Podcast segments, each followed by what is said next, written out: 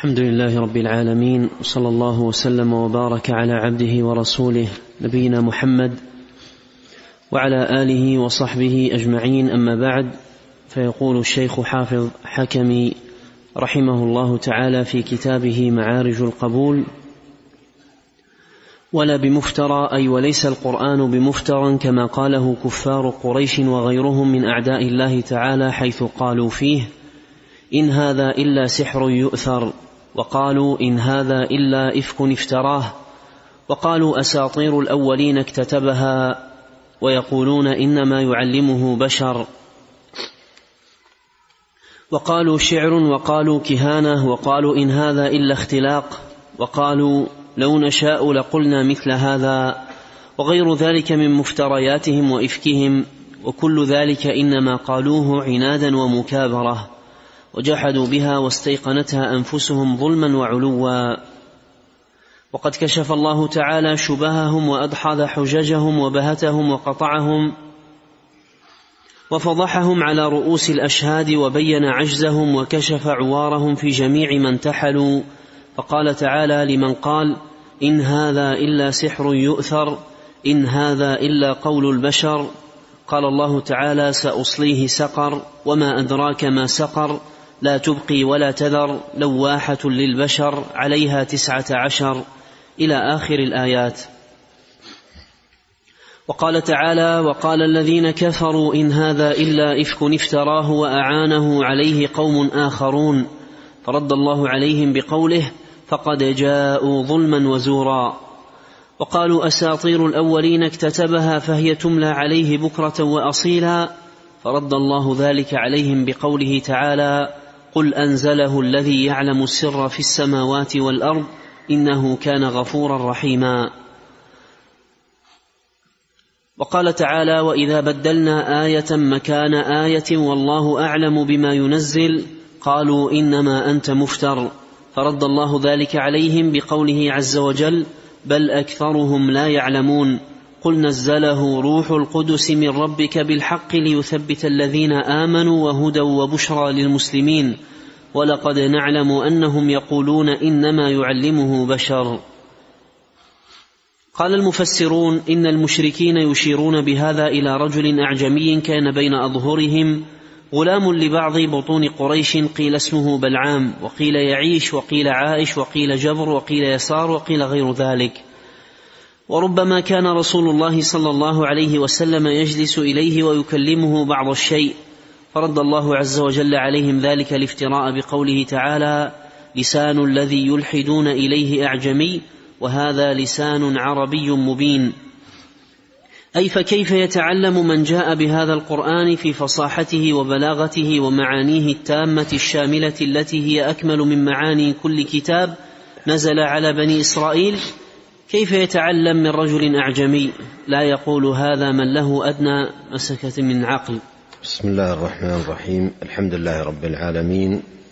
وأشهد أن لا إله إلا الله وحده لا شريك له وأشهد أن محمدا عبده ورسوله صلى الله وسلم عليه وعلى آله وصحبه أجمعين. اللهم علمنا ما ينفعنا وانفعنا بما علمتنا وزدنا علما وأصلح لنا شأننا كله ولا تكلنا إلى أنفسنا طرفة عين. أما بعد فإن ما ذكره رحمه الله تعالى بقوله ولا بمفترى أي القرآن الكريم هذا إنما يذكر عقيدة في القرآن ردا على المشركين الذين ادعوا زورا وبهتانا أن هذا القرآن افتراه محمد عليه الصلاة والسلام وأنه يأثره عمن قبله وأخذه عمن قبله. وحاصل ذلك أن أن القرآن ليس كلام الله وليس منزلا من عند الله ولم يات به محمد عليه الصلاة والسلام من عند الله. وإنما افتراه وأعانه عليه قوم آخرون. والقرآن جاء فيه في مواضع كثيرة جدا أشار المصنف رحمه الله تعالى إلى طرف منها في رد فرية المشركين وكذبهم وذكر أيضا عقوبتهم الشديدة عند الله سبحانه وتعالى وأيضا ذكر جل وعلا في آيات عديدة ما يكون به أو ما به رد فرية هؤلاء ودعواهم الباطلة. فمما نعتقده في القرآن أنه كلام الله منزل من عنده سبحانه وتعالى. نعم. قال رحمه الله تعالى وقال في رد قولهم شعر وكهانة وما علمناه الشعر وما ينبغي له إن هو إلا ذكر وقرآن مبين لينذر من كان حيا ويحق القول على الكافرين. وقال تعالى فذكر فما أنت بنعمة ربك بكاهن ولا مجنون. أم يقولون شاعر نتربص به ريب المنون؟ قل تربصوا فإني معكم من المتربصين.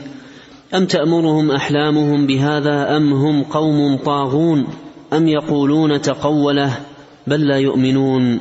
الآيات وقال تعالى وما هو بقول شاعر قليلا ما تؤمنون ولا بقول كاهن قليلا ما تذكرون تنزيل من رب العالمين ولو تقول علينا بعض الأقاويل لأخذنا منه باليمين ثم لقطعنا منه الوتين فما منكم من أحد عنه حاجزين وإنه لتذكرة للمتقين إلى آخر الآيات. وقال تعالى لمن قال إن هذا إلا اختلاق أأنزل عليه الذكر من بيننا فرد الله تعالى ذلك عليهم بقوله عز وجل بل هم في شك من ذكري بل لما يذوقوا عذاب أم عندهم خزائن رحمة ربك العزيز الوهاب إلى آخر الآيات.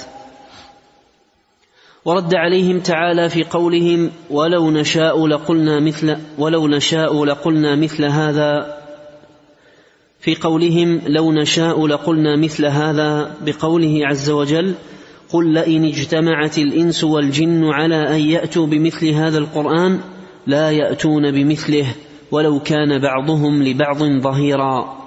وقد تحداهم تعالى على أن يأتوا بمثله أو بعشر سور من مثله أو بسورة من مثله فعجزوا عن ذلك كله وبان كذبهم. قال الله عز وجل أم يقولون تقوله بل لا يؤمنون فليأتوا بحديث مثله إن كانوا صادقين. وقال تعالى وتقدس أم يقولون افتراه قل فأتوا بعشر سور مثله مفتريات وادعوا من استطعتم من دون الله إن كنتم صادقين. فإن لم يستجيبوا لكم فاعلموا أنما أنزل بعلم الله وأن لا إله إلا هو فهل أنتم مسلمون؟ وقال تعالى وإن كنتم في ريب مما نزلنا على عبدنا فأتوا بسورة من مثله وادعوا شهداءكم من دون الله إن كنتم صادقين فإن لم تفعلوا ولن تفعلوا فاتقوا النار التي وقودها الناس والحجارة أعدت للكافرين فعجزوا عن ذلك كله ولم يطمعوا في شيء منه مع أنهم فحول اللغة وفرسان الفصاحة وأهل البلاغة وأعلم الناس بنثر الكلام ونظمه وهجزه ورجزه.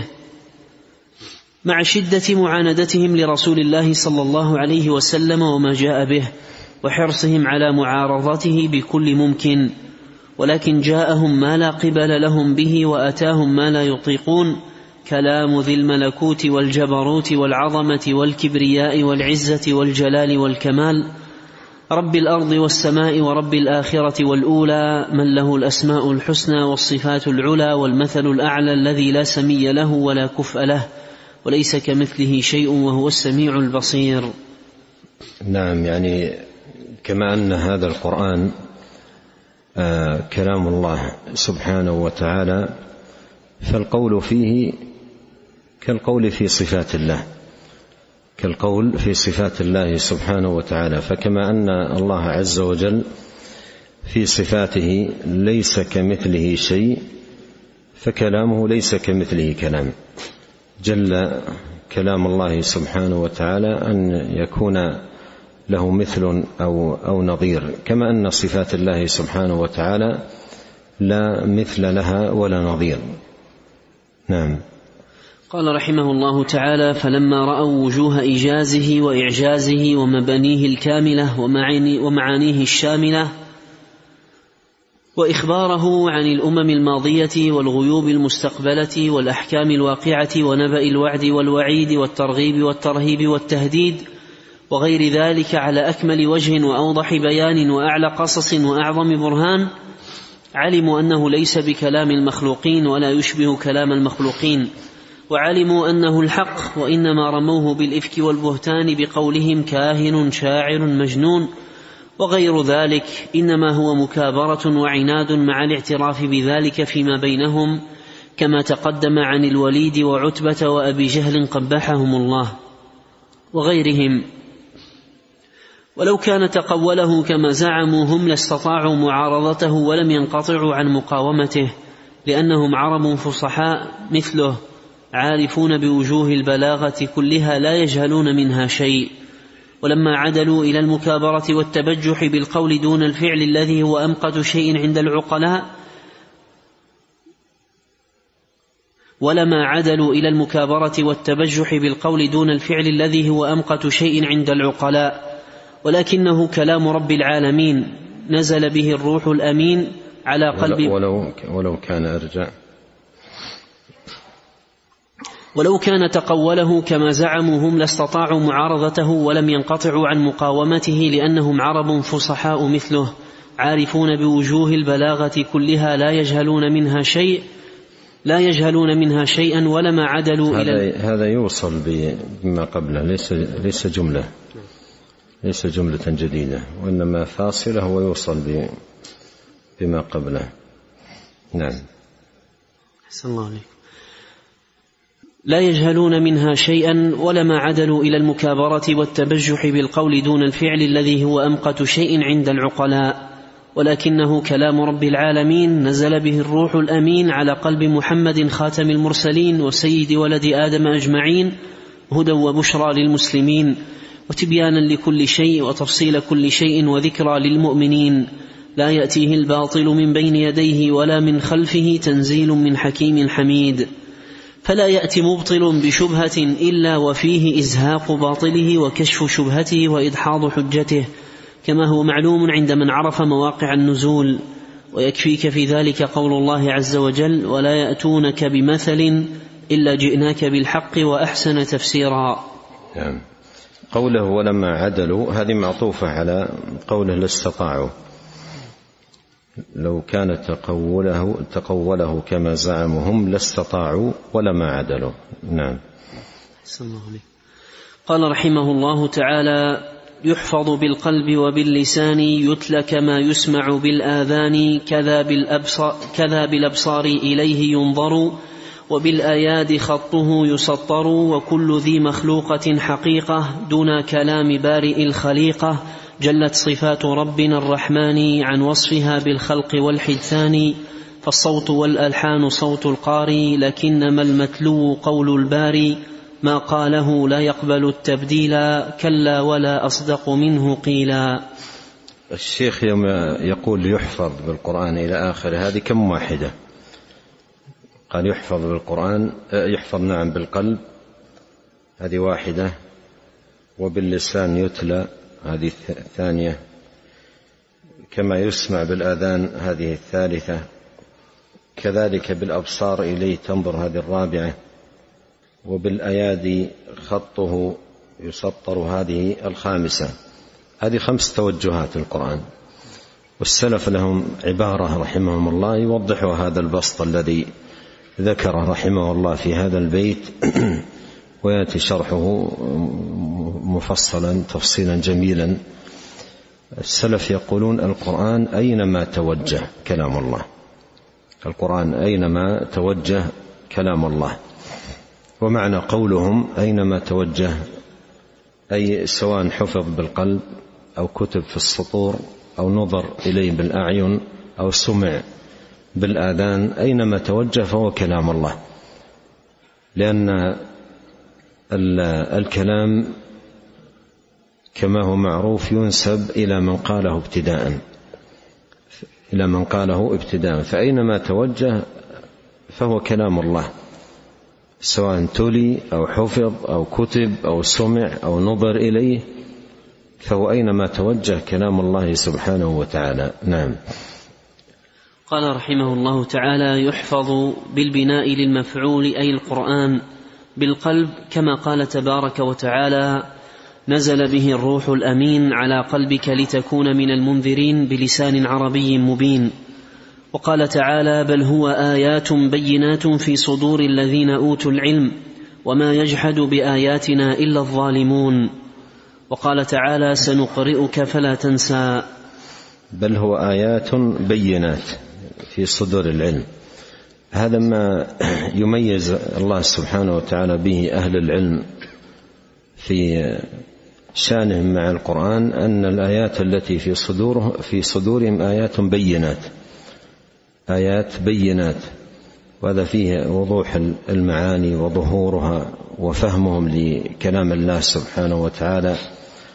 بخلاف سائر من يحفظون القرآن وليسوا من من أهل العلم. هذا ما ميز الله سبحانه وتعالى به العلماء مع كتاب الله سبحانه وتعالى. آيات بينات. نعم.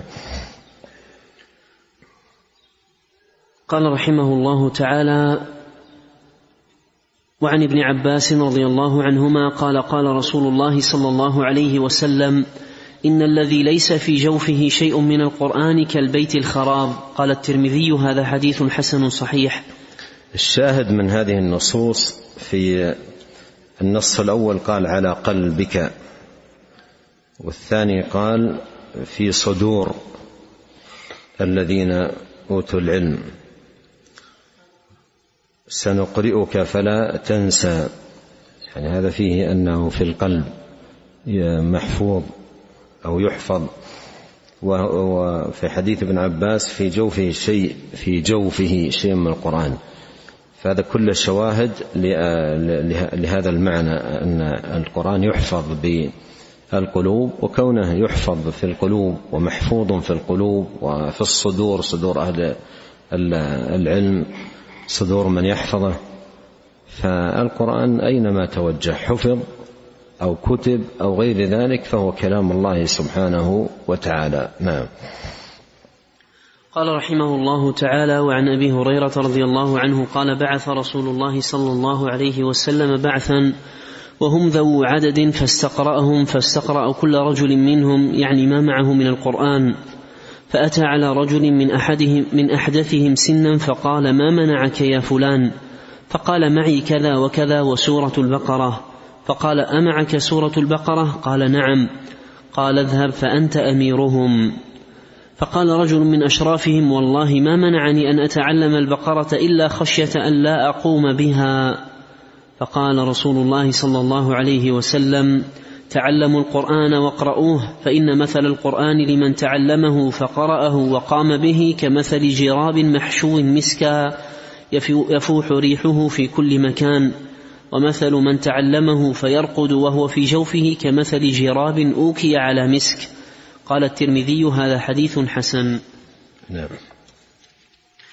قال رحمه الله تعالى وفي حديث سهل بن سعد رضي الله عنه المتفق عليه في قصة المتفق عليه في قصة الواهبة نفسها. وفيه قال ما معك من القرآن؟ قال معي سورة كذا وسورة كذا عددها. فقال تقرأهن عن ظهر قلب؟ عن ظهر قلبك؟ قال نعم. قال اذهب فقد ملكتكها بما معك من القرآن. نعم تقرأها عن ظهر قلبك. في آه القرآن وإن حفظ في القلوب فهو كلام الله سبحانه وتعالى. نعم. قال رحمه الله تعالى ولأبي داود قال سورة البقرة والتي تليها قال قم فعلمها عشرين آية. وفي الصحيحين عن ابن عمر رضي الله عنهما قال قال رسول الله صلى الله عليه وسلم مثل القرآن إذا عهد عليه صاحبه فقرأه بالليل والنهار كمثل رجل له إبل فإن عقلها حفظها وإن أطلق عقالها ذهبت فكذلك صاحب القرآن. ولهما عن عائشة رضي الله عنها قالت سمع رسول الله صلى الله عليه وسلم رجلا يقرأ في سورة بالليل فقال يرحمه الله لقد أذكرني كذا وكذا آية كنت أنسيتها من سورة كذا وكذا. والأحاديث في هذا كثيرة جدا. نعم هذا النوع الأول حفظه بالقلوب. نعم. قال رحمه الله تعالى وباللسان يتلى. قال الله تعالى واتل ما أوحي إليك من كتاب ربك لا مبدل لكلماته. وقال تعالى وقرآنا فرقناه لتقرأه على الناس على مكث. وقال تعالى وإذا قرأت القرآن جعلنا بينك وبين الذين لا يؤمنون بالآخرة حجابا مستورا. وقال تعالى إن الذين يتلون كتاب الله وأقاموا الصلاة وأنفقوا مما رزقناهم سرا وعلانية يرجون تجارة لن تبور ليوفيهم أجورهم. إلى آخر الآية. نعم. إن الذين يتلون كتاب الله يتبعونه. يتبعونه وتدخل القراءة باللسان في في التلاوة. وإلا فإن تلاوة الكتاب هنا اتباع القرآن. الذين يتلون كتاب الله وأقاموا الصلاة.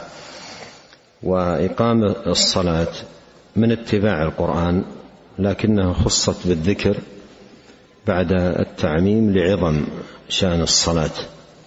لعظم شأن الصلاة. مثلها أتل ما أوحي إليك من الكتاب وأقم الصلاة. وأيضا يأتي ذكر الصلاة معطوفة على العمل الذي هو التلاوة. إن الذين آمنوا وعملوا الصالحات وأقاموا الصلاة مع أنها داخلة في العمل. فتخصيصها بعد التعميم يدل على عظم شأنها ورفعة مكانتها. التلاوة معناها اعم من مجرد القراءة. القراءة داخلة في التلاوة ولكن معنى التلاوة في في الآيات أعم من مجرد القراءة. مثل قوله تعالى الذين آتيناهم الكتاب يتلونه حق تلاوته. يتلونه حق تلاوته يقرؤونه ويفهمونه ويعملون به. هذا كله من تلاوة القرآن. وكثير من السلف يفسر يتلونه حق تلاوته أي يعملون به لأنه من لا يعمل بالقرآن وإن قرأه لا لا يعد تاليا للقرآن لأن تلاوة القرآن اتباع القرآن. لأن تلاوة القرآن اتباع القرآن. وهذا أيضا مفهوم اللفظة في اللغة مثل ما قال الله تعالى والقمر إذا تلاها أي تبعها. فتلاوة القرآن أي اتباع القرآن أما مجرد القراءة بلا فهم ولا عمل بالقرآن من كان كذلك لا يعد تاليا لكتاب الله لأن تلاوته اتباع لأن تلاوته اتباعه. نعم. قال رحمه الله تعالى وقال تعالى لا تحرك به لسانك لتعجل به إن علينا جمعه وقرآنه فإذا قرأناه فاتبع قرآنه ثم إن علينا بيانه. وقال تعالى ورتل القرآن ترتيلا وقال تعالى ولا تجهر بصلاتك ولا تخافت بها وابتغ بين ذلك سبيلا وغير ذلك من الآيات. نعم لا تحرك به لسانك لا تجهر بصلاتك ولا تخافت بها هذا كله يعني في تقرير هذا المعنى. وأن القرآن وإن تلي وقرئ بالألسن فهو كلام الله سبحانه وتعالى. نعم. قال رحمه الله تعالى وعن أبي هريرة رضي الله عنه أن رسول الله صلى الله عليه وسلم قال لا حسد إلا في اثنتين رجل علمه الله القرآن فهو يتلوه آناء الليل والنهار فسمع فهو يتلوه آناء الليل والنهار فسمعه جار له إلى آخر الحديث رواه البخاري. وأخرج أبو عبيد القاسم بن سلام عن فضالة بن عبيد عن النبي صلى الله عليه وسلم قال لله أشد أذنا إلى الرجل الحسن الصوت بالقرآن من صاحب القينة إلى قينته من صاحب القينة إلى قينته. رواه ابن ماجه. وله عن المهاجر بن حبيب قال قال رسول الله صلى الله عليه وسلم يا أهل القرآن لا توسدوا القرآن واتلوه حق تلاوته آناء الليل والنهار وتغنوه وأتقنوه أو وتقنوه. وتغنوه و و وتقنوه. واذكروا ما فيه لعلكم تفلحون. والأحاديث في هذا كثيرة جدا سيأتي ما تيسر منها في ذكر الصوت. قال رحمه الله تعالى كما يسمع بالآذان قال الله تبارك وتعالى وإن أحد من المشركين استجارك فأجره حتى يسمع كلام الله وقال تبارك وتعالى وإذا سمعوا ما أنزل إلى الرسول ترى أعينهم تفيض من الدمع مما عرفوا من الحق وقال تعالى وإذا قرئ القرآن فاستمعوا له وأنصتوا لعلكم ترحمون وقال تعالى وإذا وإذ صرفنا إليك نفرا من الجن يستمعون القرآن فلما حضروه قالوا أنصتوا فلما قضي ولوا إلى قومهم منذرين. قالوا يا قومنا إنا سمعنا كتابا أنزل من بعد موسى مصدقا لما بين يديه يهدي إلى الحق وإلى طريق مستقيم. الآيات وقال تعالى قل أوحي إلي أنه استمع نفر من الجن فقالوا إنا سمعنا قرآنا عجبا. يهدي إلى الرشد فآمنا به ولن نشرك بربنا أحدا. إلى قوله وأنا لما سمعنا الهدى آمنا به. الآيات. وقال تعالى الذين يستمعون القول فيتبعون أحسنه وغير ذلك من الآيات. وعن عبد الله بن مسعود رضي الله عنه قال قال لي النبي صلى الله عليه وسلم اقرأ علي القرآن. قلت أقرأ عليك وعليك أنزل. قال إني أحب أن أسمعه من غيري الحديث متفق عليه. وعن أبي موسى رضي الله عنه أن رسول الله صلى الله عليه وسلم قال يا أبا موسى لو رأيتني وأنا أستمع لقراءتك البارحة. فقال أما والله لو أعلم أنك تسمع قراءتي لحبرتها لك تحبيرا. رواه مسلم. حبرتها في مشروعية تزيين الصوت. بالقرآن تحبير التحبير أي تزيين تزيين الصوت. نعم. قال رحمه الله تعالى ولأبي عبيد عن عائشة رضي الله عنها قالت أبطأت على رسول أبطأت على رسول الله صلى الله عليه وسلم ليلة بعد العشاء ثم جئت. فقال أين كنت؟ قلت كنت أسمع قراءة رجل من أصحابك لم أسمع مثل قراءته وصوته من أحد. قالت فقام رسول الله صلى الله عليه وسلم وقمت معه حتى أستمع له ثم التفت إلي فقال هذا سالم مولى أبي حذيفة الحمد لله الذي جعل في أمتي مثل هذا إسناده جيد والأحاديث في هذا كثيرة. قال رحمه الله تعالى كذا بالأبصار كذا بالأبصار إليه متعلقان بينظر أي إلى القرآن في المصحف وهو من أفضل العبادات وأجلها. وروى أبو عبيد بإسناد فيه ضعف عن بعض أصحاب النبي صلى الله عليه وسلم. كذا بالأبصار إليه يعني الجار والمجرور في قوله بالأبصار والجار والمجرور في قوله إليه متعلقان بينظر. نعم. قال رحمه الله تعالى وروى أبو عبيد بإسناد فيه ضعف عن بعض أصحاب النبي صلى الله عليه وسلم قال قال النبي صلى الله عليه وسلم فضل قراءة القرآن نظرا على من يقرأه ظهرا كفضل الفريضة على النافلة. وقال ابن مسعود رضي الله عنه أديم النظر في المصحف. وعن ابن عباس رضي الله عنهما أنه كان إذا دخل نشر المصحف فقرأ فيه. وكان ابن مسعود رضي الله عنه إذا اجتمع إليه إخوانه نشروا المصحف فقرأوا وفسر لهم. وقال ابن عمر رضي الله عنهما إذا رجع أحدكم من سوقه فلينشر المصحف وليقرأ. وذهب كثير من السلف أن قراءة القرآن في المصحف أفضل من على ظهر قلب من على ظهر قلب لأنه يشتمل على التلاوة والنظر في المصحف وكرهوا أن يمضي على الرجل يومان لا ينظر في مصحفه. قال رحمه الله تعالى وبالآياد خطه يسطر كما قال تعالى إنه لقرآن كريم في كتاب مكنون لا يمسه إلا المطهرون. وقال تعالى رسول من الله يتلو صحفا مطهرة فيها كتب قيمة. وقال تعالى كلا إنها تذكرة فمن شاء ذكره في صحف مكرمة مرفوعة مطهرة. وقد كتبه الصحابة في عهد النبي صلى الله عليه وسلم بأمره وفي خلافة أبي بكر وعثمان رضي الله عنهما وإلى الآن يكتبه المسلمون. وقال ابن عباس رضي الله عنهما ما ترك النبي صلى الله عليه وسلم. الآن جاءت النعمة العظيمة الطباعة وإلا أول ما كان عندهم وسيلة إلا الكتابة. كتبة بالأيدي. الآن جاءت الطباعة طباعة المصحف. نعم. أو تصوير أيضا المكتوب. هذه من الأشياء التي استجدت في في في هذا الزمان وهو من نعم الله سبحانه وتعالى على العباد. نعم.